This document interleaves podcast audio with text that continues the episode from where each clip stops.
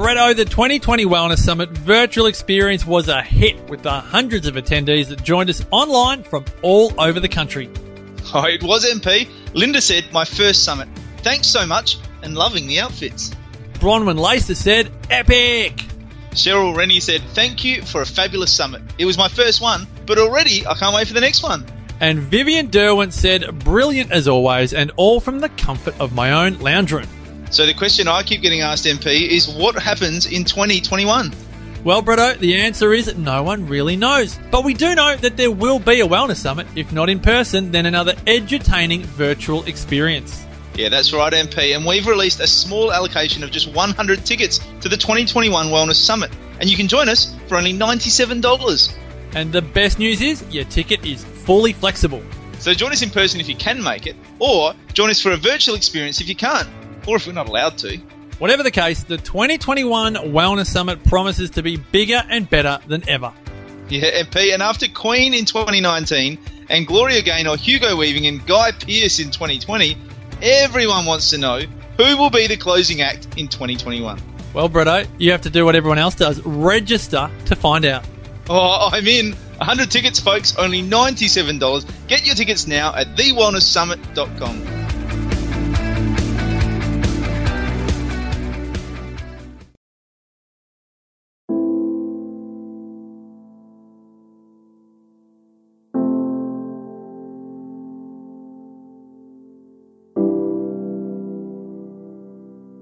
Welcome to Nourishing the Mother, where inspired women talk about the journey of motherhood through the common thread of parenting, relationship, and sexuality as a path to consciousness. We ask, in what ways can we show up more fully, live more meaningfully, parent more wholly, and love more unconditionally? How can we mine the wisdom from the experiences of our lives? And expand into those challenges.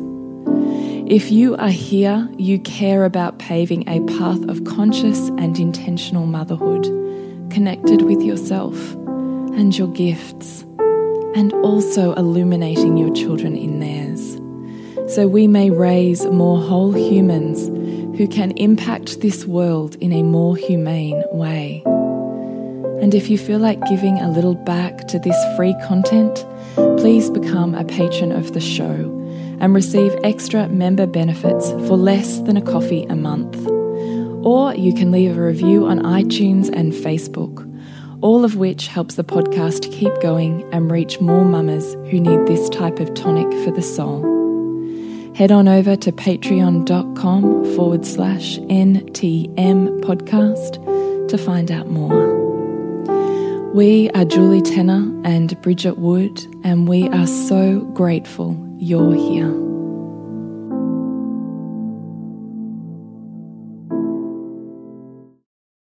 Hello, and welcome to Nourishing the Mother. I'm Bridget Wood.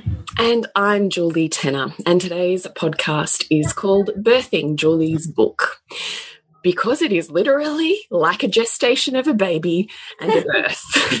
so we're going to have hopefully a candid conversation around um, uh, how big that journey has been. I think that mm. perhaps often isn't talked about because it's just so fun to write a book. it kind of happens in the in the wings and in the depths and in the behind closed doors and yeah, right. You're kind of sharing the tiniest of snippets, and I and I and I get like kind of glimpses of your turmoil through the process? Yeah, it's been like crazy intense. I I actually can't remember a time I've been forced to grow so quickly um, in a lot of different ways. It's literally like having a baby and having an identity crush and rebirth mm. in a mm. lot of ways. So deep, profound learning.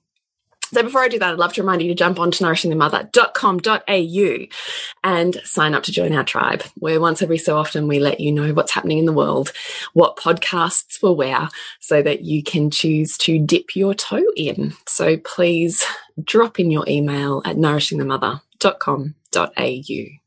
Mm.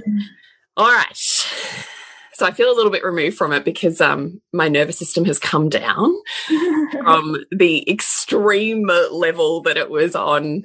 Um, and I mean, it was extreme for a reason, right? Because you ditched a whole copy How many thousand words are we talking here? 60,000 words. So you had 60,000 words written, which you largely wrote in the first couple of lockdowns. I don't know. You got it. You, we talk about it being a gestation because you really began it in the first of the lockdowns. Yeah. So here's how it worked. It started off as the lifetime dream that I've always wanted to write a book. I just never had, and I've started and stopped little projects at different times and they haven't really gone anywhere because then I like die on them after a little while. And so it's like the dream of becoming a mother one day, isn't it? That you mm. go, I know my heart yearns for that. I just don't know exactly the right timing or what that's going to look like, you know. So anyway, I was talking with Carly, who'd written her book, and I was like, no, fuck it, I'm going to do it. And she was like, okay. And then because I do things hard and fast, if you're not going to like go hard or go home because I don't have time to fuck around, is basically how it works in my head. Um, so I said to myself, all right, we're in this first lockdown. Life is way less crazy for me than what it Mm. normally is, which means there's, yes, there's drains in other ways, but there's a huge vastness of just physical time that I don't have normally. And our afternoons and evenings are not so under the pump. So I said to myself, all right, you need 30,000 words to write a book. I'm going to write that 30,000 words in 30 days. That was my challenge, Mm. my self challenge. I didn't tell anyone else really about that challenge. It was just like, Your own. yeah, yeah, because that's my strong masculine, right? I go vision, goal, competition, boom, creates greatness. Mm. That's where competition is in its light. So I'm competing against myself in my mind. So I set up a practice where every single morning for 30 days, I got up at 5 a.m. and I worked for two to three hours, depending on um, kids' needs, every day for 30 days. And at the end of that, I had a 30,000 word book. So the thing was, as I continued to review and review and review this book post that 30 days, it had started off where I was like, oh, I just, it'll just be the foray into masculine and feminine. And it'll just be like this lovely, empowering, you know, here's what you can do with it and here's how it can change your relationship and how amazing. And then as I started reviewing my 30,000 words, because I just wrote for 30 days. I didn't do any level of editing. So then comes the editing, which is actually 5,000 times harder than the writing, which I did not know because the writing I fucking loved. Mm. Being in the dark, I had my routine down pat. Like I sat up, I set up everything the night before. So I literally got up, pretty, press hit on the coffee machine, press go on the hot water. I always had hot water and coffee and had my blanket, had my Uggies, had my AirPods, had my music, like had my whole setup. So every single night I had my setup so that in the morning, just had to hit go and it was delightful. Like I can't even tell you how delightful it was. It was winter. Um, so it was like dark. So I was, and I didn't put any lights on. So I was dark, just me and my mind. And Like you're in your cave. Oh, it was so fabulous. I like loved it. So then comes the editing, and the editing is brutal because I was reading passages going, What the fuck did you write there? Or what does that even mean? And then I started to go, but that's so surface. You can't know that unless you know this. And if you don't know this, then you can't really know that. And all of a sudden, not all of a sudden, but over the course of the next few months, the 30,000 word book became a 60,000 word book. Mm. So I pretty much rewrote the first 30,000 words one section at a time as I was editing and then added in what I perceived was all the missing pieces to an in-depth understanding. Because I'm not here to just give you pieces that you don't really understand. I'm here to go solidness, understand what's here. Mm.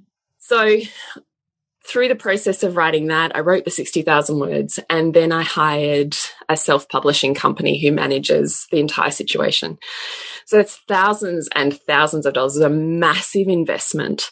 And so Nick and I kind of riffed about it for a while about whether it was something I was really going to leap into and all this sort of jazz. And in the end, I said to him, look, I don't, I don't know if this is going to work or not work or somehow one day pay back or not because I know you don't write a book to make money because the books don't make money. so you're only writing this because you are so impassioned by it that you just have to. Yeah. Other authors, and it's certainly what the book publishing place says, you have to have an action plan for how you're going to make money back on this book. And there's people who do all sorts of things with the book that they write. So I wasn't really solid on either of those, but knew I couldn't not do it. So Nick backed me and was like, Yeah, if you really, if you're feeling it, you have to do it. And I was like, Yeah, I do. So I said yes to this company. It's the biggest investment I've ever made for anything up until this point in time in terms of business strategy. So it was massive for me to financially back myself enough mm. to do this. And then they have this process. So it's this timeline of every week there's these targets. And the self editing process for that is like shoot you in the head. I wanted to like, I don't even know, smack a hole. I wanted to stab pencils through the book. It was just like horrendous. I hated it. I hated editing so hard. I can't even explain to you. So the mental slog of continuously, like the amount I read that 60,000 words over and over and over so many times. I can't even tell you. Mm. And having to pull your own editing apart. So it's not joyful. It's mm. like, it's hard. So having to have, by that point in time, I'm not doing the morning thing because now life's kind of starting to tickle back and I've got other, I can't just take pause on a month. So now I have to fit this editing in around the rest of my work obligations and family and kids and I'm feeling resentful and not lit up about it. So it was a really mentally hard slog to keep myself going because it would have been easier to quit, mm. honestly. so I did all of that. And at the end of that, then you have, um, you choose 10 beta readers. So I had 11 and you want to choose beta readers that go across a variety of understandings with you. So I kind of chose three ish on a spectrum of haven't worked with me at all, completely new to have worked with me for a really long time. And I pretty much chose three on a spectrum across that. That's how I chose my beta readers. So they all get sent in the book and then they edit it. So I had 11 and the publisher had said, we need 10. Um, people get usually three back and then you make another edit or two based on the reviews that you get back from essentially people who would potentially read your book. So I got all 11 back. Not three, 11 so great. And, like, and then like, what the fuck am I doing with it? So then I had to slog my way through 11 personal edits of what felt really personal. Like mm. that in and of itself is a really brutal process. And they were all beautiful. Like, please don't think that I'm not saying they didn't do exactly what I needed, wanted, desired, and did it with love. A hundred percent they did. But on a personal level, and I know that objectively, but on a personal level, it's still 11 people's opinions on something that you've put your heart and soul into. Mm -hmm. So it's like, and it's like a child. That's hard. It's like you're putting it like a you birth something into the world that is your heart and soul, and then you're you're inviting. Yes, right. And so people are going, no, its eyes are too close together. Your kid's a bit ugly. You know, like that's what it feels like. It's a really hard process. Personally hard, but I'm also completely aware that on a on an emotional level, that's irrational, and I had to separate. Like that was part of what this psychological spiritual process was for me was this detangling of identity and um, capacity to to show up and put yourself out in the world knowing that it, there was critique there and what do you do with the critique and do you turn mm -hmm. it into mm-hmm. something that makes you better or do you crumble in the face of it and spiral into self minimization like even that is mm. a practice and i did that practice 11 times over the course oh, of essentially um, two weeks. So I really felt like at each one of these steps, I'm rebirthing myself. And here I had 11 ways of rebirthing myself. So I go through all of that. And I'm ready finally for the oh no and then you know what happens next next is i have the meeting with the team the book team and we talk about the book cover and um we come up with a, a, concept or an idea that we think is going to work. The publisher goes, Yep, I have my absolute best artist. She's amazing. She's my absolute favorite. She's done all of these books. She's showing me all of these books. She's going to be perfect. I was like, All right, okay. So she sends it back. About two days later, she comes back to me and she says, So this is unusual. I've never heard of this happening before. But this artist has refused to do your book cover because she's uncomfortable with the content. and I was like, I'm sorry, what? then I made a dream. I was like, I think she might need the book. Didn't go down very well. First thought is like, it's a trigger. That's exactly right.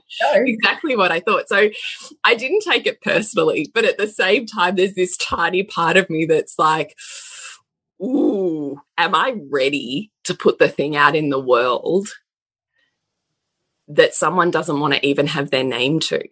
Mm. Am I ready for that? Yeah because in and of itself that's the conversation isn't it is to grow and be in inverted commas bigger in the world you have to have a tougher skin mm. because every time you grow you also grow your haters mm -hmm. and every time you're more certain and clearer and without the bullshit on what you're saying and what you stand for the more people you trigger mm -hmm. So I was also sitting myself going, this is it, right? This is my step up. If I really want to grow and be seen in the world, how am I, how am I going to roll here? Because if the universe is going, all right, let's test, let's see, are you ready? Mm. What am I going to do with this lesson? Am I going to say, oh, I can't handle it, universe? So I'm not really ready to grow? Mm. Or I'm going to say, yep. I'm the woman with the book that an artist didn't want to do a cover for. Mm. Yep, that feels better. I can totally see that that she's clearly got some sexual hangups that I could probably help her with. so that conversation happened so two days later, the book goes off for the first professional edit, which again is thousands of dollars. And I'm told, you know, it's the most in-depth review and, you know, is where I'm going to be told, well, this bit probably needs to come out or this needs to be added in. The um, editor people said, look, usually it's an add in because we need more clarity more than a takeout. So I'm thinking my 60,000 word book's probably going to turn into an 80,000 word book. Who knows? And in the back of my mind, I'm like, no, really, like I'm thinking about this woman with the art, this, the content in here, I know could change your life. I know it could change your life. If you just took a drop and applied it to your relationship, it could change your life. Mm. So I'm sitting here thinking, I'm almost a little bit excited to see what this editor says because I could literally, I could change your life. There's butterflies and rainbows and it's all twinkling around you. Well, just I'm like, oh, Ah, she's gonna love me. you know? she's gonna be like, that was such a privilege to be paid to read that book. I got so much out of it. I mean, I'm thinking in my head, that's what's gonna happen. You know, I'm having this fantasy in my in my own mind. I didn't share that with anybody else, but this is what is happening in my head for the whole week. And I'm like, oh, it's like a little kid at Christmas. Oh, so the review comes and I'm sitting at my dining room table having my morning coffee with Nick because it's the day. And I open my laptop up and I open it up and I'm like, what the fuck as I start reading through this? because by about line eight, this woman is so triggered and revolted by what I have to say that I have to keep looking up from my computer going, Oh my God, Nick, she's just said this. And he's like, What? Is this what an editor's supposed to be saying? And I'm like, I don't know. She's so fucking triggered. And, she, and, this is like having been a lecturer in the university education system for a number of years. I kind of have a lens on academics that I previously have not had at any other point in my life. And here's a woman who's arguing my masculine and feminine spiritual energetic principles like an academic. Not a book editor. In her masculine. and she's so triggered. She's so triggered and arguing, like literally arguing with me at nearly every paragraph. So she's not editing, she's arguing. That by the time I'm about a third of the way through the book, she's so triggered. She's completely revealed herself. I know what her relationship's like. Mm. I know what her sexual issues will be. I know what the dysfunction is that's how triggered she is, right? Because when we're mm. triggered, we're completely revealed. Well, all of her cards are on the table, then, right? There's, there's right. There's nothing. There's nothing that's unseen. There's nothing that's unseen. But I was so mortally wounded by the experience of not having a voice because I couldn't argue back with it. Yeah, you just had to take it. I just had to take it. So it's like being boxed in a boxing ring where you don't even have your gloves on. Yeah. So here's this baby of mine that I've now spent eight and a half months of my life on and invested a significant amount of money and time in. And I am feeling into this going, this has been brutal for me. Like the amount of time and ways I've had to contort myself, my space, my world in order to create this is massive. And here it is. And I'm expecting the crowning moment where it's just loved. And instead, it's completely hated, totally disintegrated.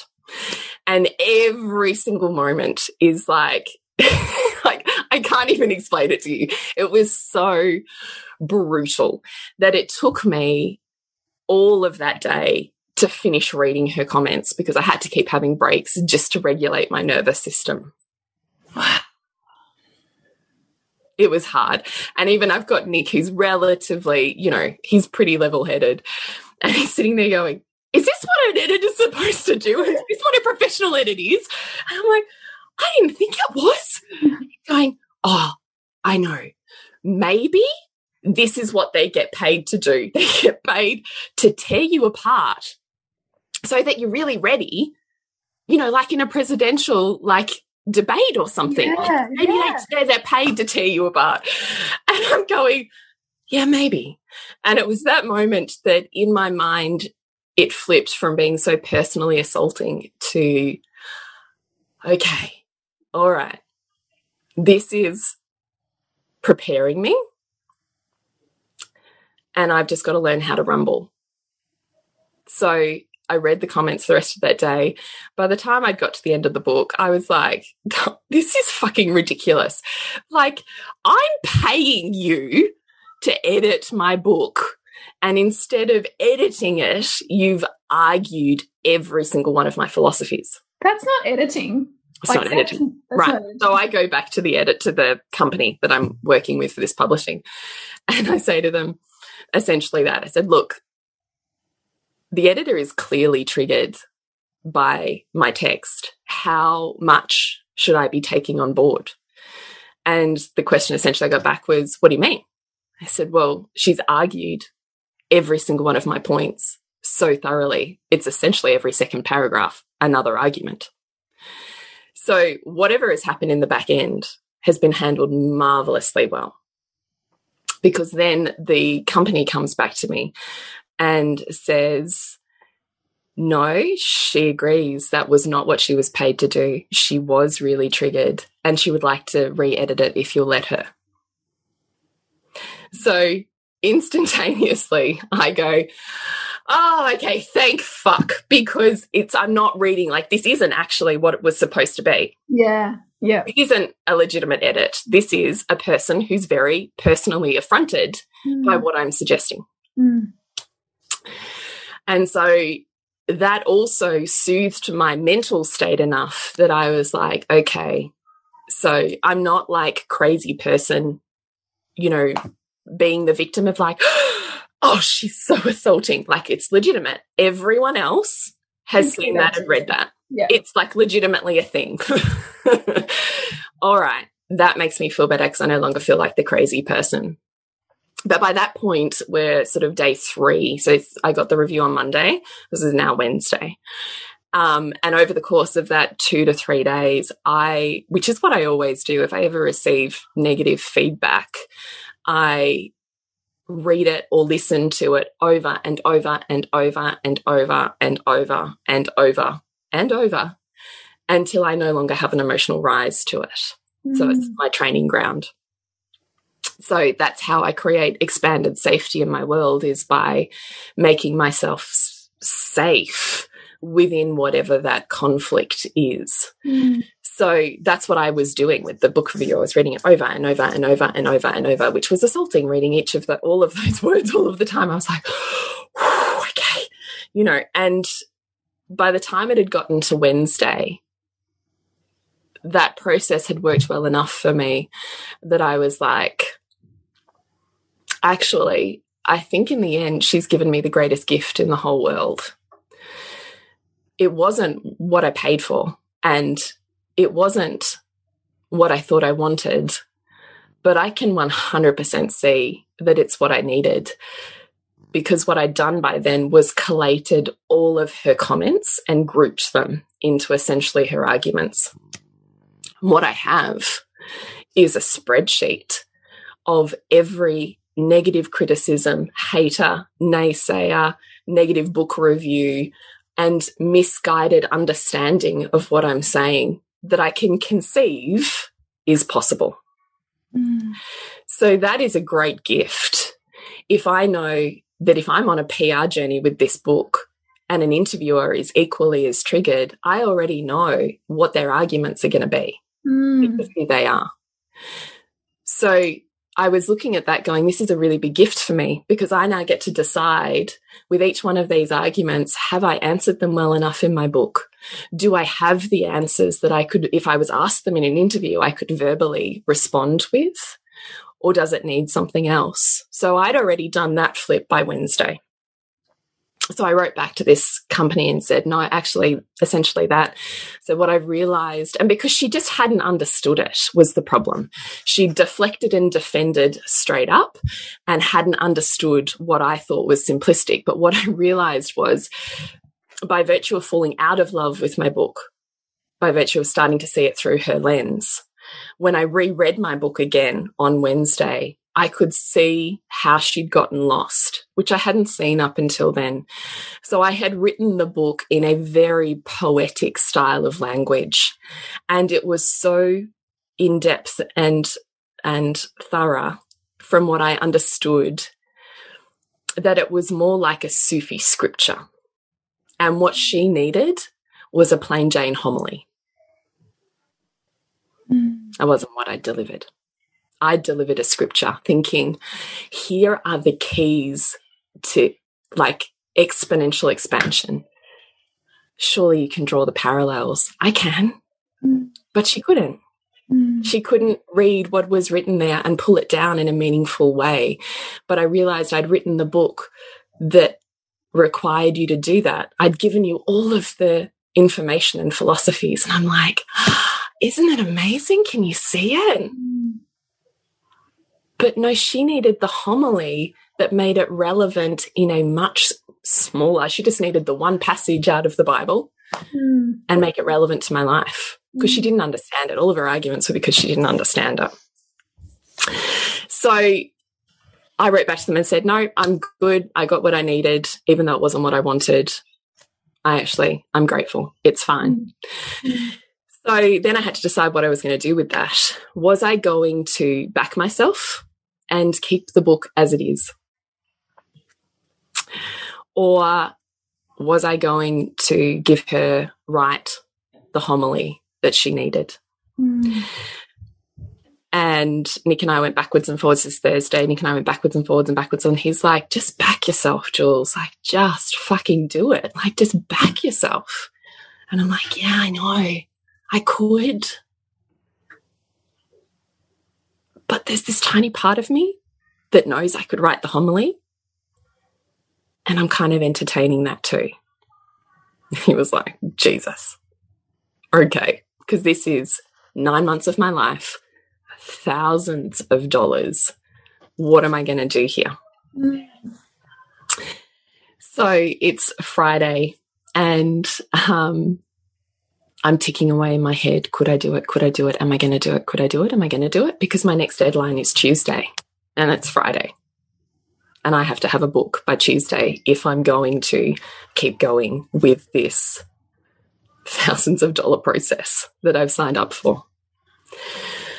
How the fuck am I going to do it? Can I even do it? What does it even look like? And so I decided to entertain it and chuck out all of the rules and ask myself, I wrote the book completely differently. Ask myself, all right, I have the woman who I don't have yet, right? The woman who, the women who loved my book, loved my book because they already speak that language. Here I have an editor who does not speak my language, has no idea about it. How do I help her see? How do I help her see? And that's all I kept asking myself. What is she missing? How do I help her see? How do I help her see that? And I just jotted down some very vague ideas. I had like six dot points. And it's three o'clock in the afternoon, and I rewrote an introduction because introduction's always where it starts for me. And I was like, no, I think I've got it. I understand now. I understand. And I said to Nick, here's where I'm at. I think I can do this.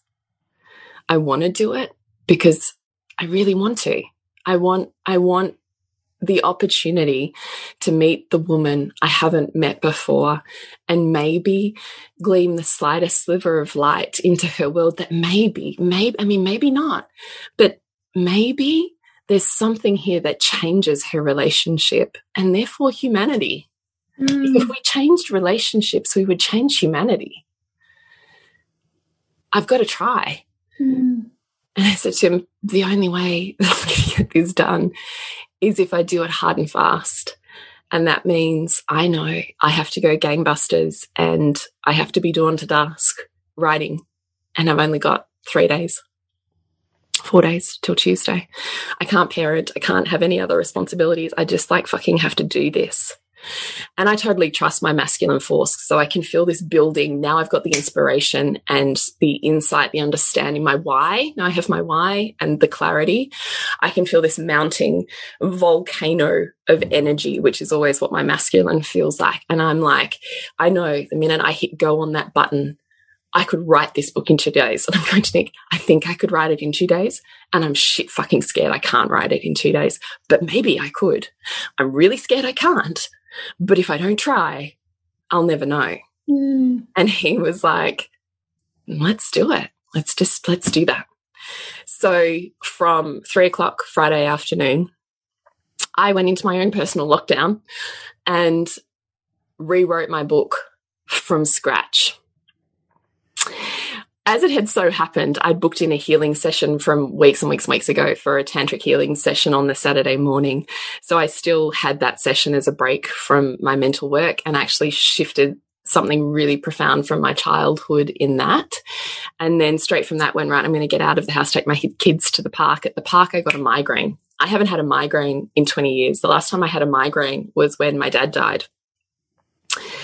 So I start getting visual disturbances, and it looks like in my eyes a whole lot of diamonds, just reflective diamonds all over my eyes. And I'm going, this is really fucking weird.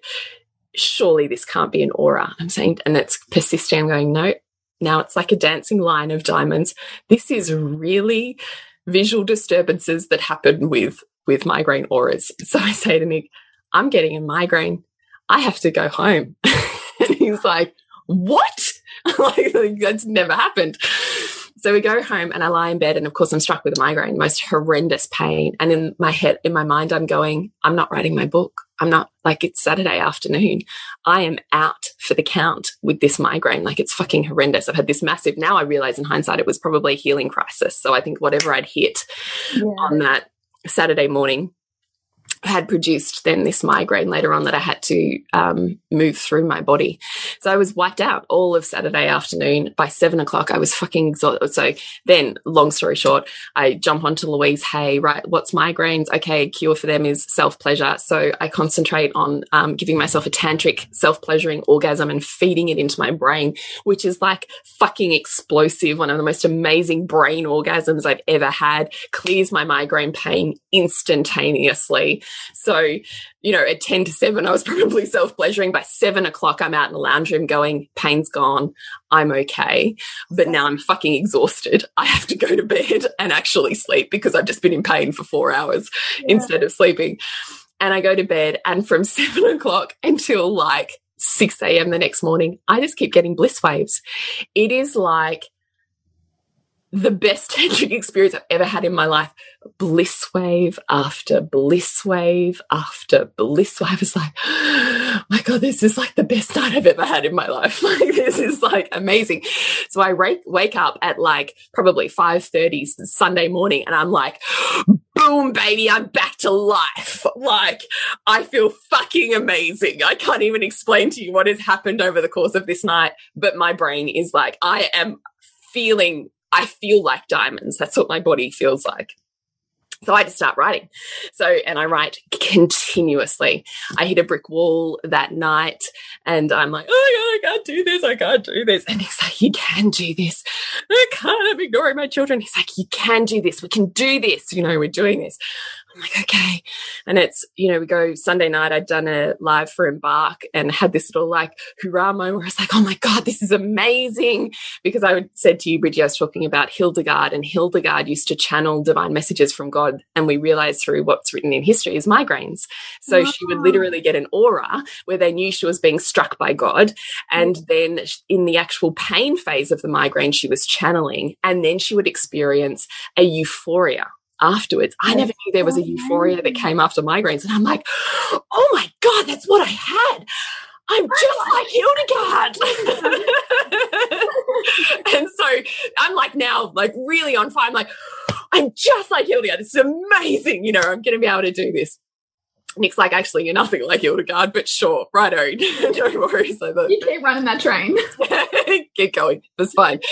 So I'm working. I work till probably 10:30 each night. I'm up by 5:30 the next morning, writing again. Nick had taken Monday off work, so I just keep going halfway through Monday, I'm like, oh God, I can't do it. I can't do it. I'm ignoring my children. I haven't seen them since Friday. What am I doing? You know, blah, blah, blah. And he just walked out and he was so beautiful. He would bring me drinks and food because I'm so in my masculine. I'm not connected to my body at all, right? Mm. Not connected.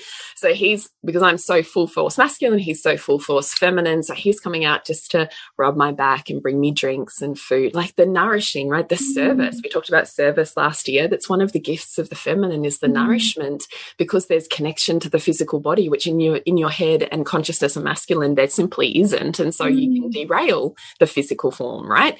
So here he is doing all of these things, and he would come to me every time I was having a meltdown about not parenting, and he was like, "Jules, we are so fine. We're so fine." And we're so proud of you. You can do this. And then he'd even like sometimes go, Isn't that right, kids? And they're all like, Yeah, you can do it. You know, there's nothing, okay. and I'd go back and start again. So this goes on Monday. I still haven't finished by Monday night. So I'm starting to feel a little bit crushed. My deadline's Tuesday. Can I actually even get this done? Can I like, is this it? Am I chucking the towel in? Uh, like, is this all over? get up Tuesday, Nick's got to be back at work. So Heath and Jade decide that they're going to babysit for the day so that I can finish the book and keep writing. So they babysit and actually have the best time, all of the siblings together. Nick's working. I finish the book at 6 p.m. that night. And I am a train wreck. I am completely obliterated. Like, I haven't been in my body since Friday. I have just used my head and my brain and gone like a bat out of hell in every conceivable moment. I've just pushed and kept going to the point where now I'm like, I've really, I've got, I've got nothing left. Wow. But I wrote a book in, I've written a book in three days. I've done it. So the me that knew I could do it on Friday, even though I was shit scared, I couldn't have a book by Tuesday. I've done it. Mm. I have a book. So I message these editors and I say, okay, I have rewritten the book. What is the process here? Because it's now not the same book. So it needs another edit. Mm. And they're like, sure, it's this many thousands of dollars. And I was like, well, I'm unwilling to pay that. so it was the conversation I had on Monday. This is the conversation with them on Monday. And so they were like, look, let us leave it with us. Give us your ballpark and we'll see what we can do and who we can find. So I'm not even sure at this point in time. I haven't picked up my phone again. I'm not even sure if when I open my phone, I'm going to be up for a crossroads of whether this book is being published or not because it requires this many thousands of dollars that I wasn't willing to invest. Whether I was even going to do it, whether I was going to open my phone up and crumble and this whole four days and pushing my body to oblivion and all the things involved in that was even going to be worth it.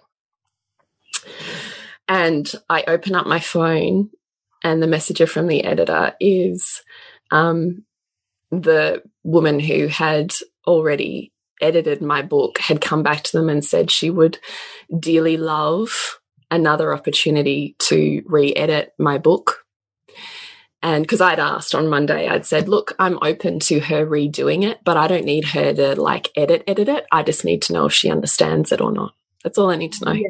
Yeah. Is does she understand it or not? Mm. I didn't know how many thousands of dollars even she was going to charge me for that.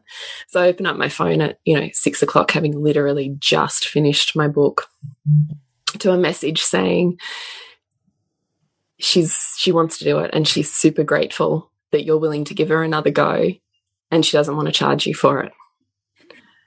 And I like burst into tears. I was like a sobbing, sobbing mess. Oh god. And I wrote back and I was like, okay, well, I'm going to have a cry and a wine and then I'll upload my book. too. Amazing. Amazing. That's where we're at. So then it really took me, um, so that was only this week and that was Tuesday. It really took me um, until yesterday afternoon to physically recover from that. And because I'd been dealing with my emotional turmoil for the last and the deep, you know, book work for the last week, I then had a week worth of everything I hadn't done. All of the groups, all of the emails, all of the messages, all of the messengers, all of the clients I hadn't booked in. Like I had a solid week of overwhelm that I had ignored while I went through this process of, um, I think, psychological upheaval and identity recreation and Mm. essentially then book recreation. Um, so I just every day worked on one part of that as I chopped my way through it once again. And um, yesterday, Saturday, I was sitting down and Nick looked at me and goes, Are you okay? And I was like, No, I've just realized I'm actually having like a mini panic attack about the fact that I don't have anything to do right now. Mm. Like that's how intense and how highly wired my nervous system had become. Because here I was with nothing to do, and I was hyperventilating nearly about the fact that I'm missing, I've forgotten something. There's something I'm supposed to be doing. So we just spent yesterday really uncoiling my nervous system. So today I feel um, back to normal, but I get my review back tomorrow. Wow. So I don't know. I don't know. Gosh, that's a mammoth. What an absolute journey. Far out. That really is like the most enormous gestation, birth, unbecoming to become story, right? I didn't realize what it was going to be, but it was only when I realized this book that I was like, it's been nine months because I, the part of my process also with I can't just tick away at this again was I'm so done. I realized I tra- attract it. I was at 39 weeks pregnant with this book. Mm. And I was like, this is exactly like being pregnant, where you're like, I cannot be here anymore. Get Mm. out of my body. And that was kind of my thing with the book too, is I had been not leaking, but there's always been a stream of my energy to this book for the past nine months. And I was like, I can't do that anymore. This has to be done. This Yeah. has to be birthed and finished. So it was also part of it's like hard and fast. It's done now. It's got to be whatever this is by Tuesday. It has to be over. I can't Mm. be here anymore. And the fact that that was nine months, I just thought was very poignant. I think there's something extraordinary about about gestating something and then giving birth to it in the format that that looks like. And of course, along the way, having these grand fantasies about what it was going to be and then the harsh realities of what that looks like when you're asked to be pulled apart and the identities and the fantasies that you have um, to be deconstructed. And that was definitely, and has been, and I imagine until it's done, will continue to be the Mm. process for me with this book. So that's it. It's enormous. Wow. Thank Yeah. you for sharing that. It's a pleasure. It's been a really big, really big deal. So we will see what the Yes. review ho- holds. And everybody stay tuned for yeah, what that review holds. Mm.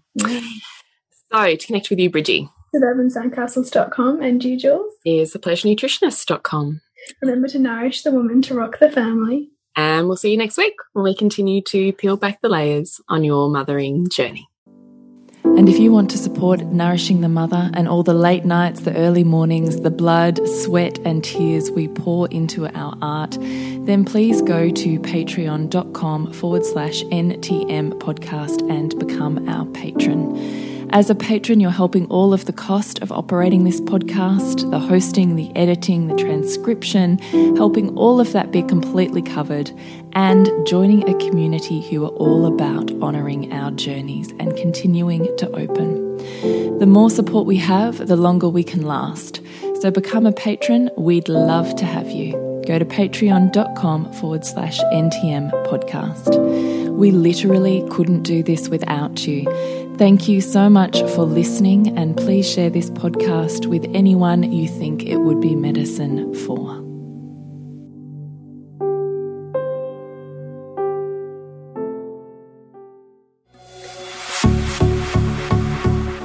This has been a production of TheWellnessCouch.com. Check us out on Facebook and join in the conversation on Facebook.com forward slash The Wellness Couch. Subscribe to each show on iTunes and check us out on Twitter.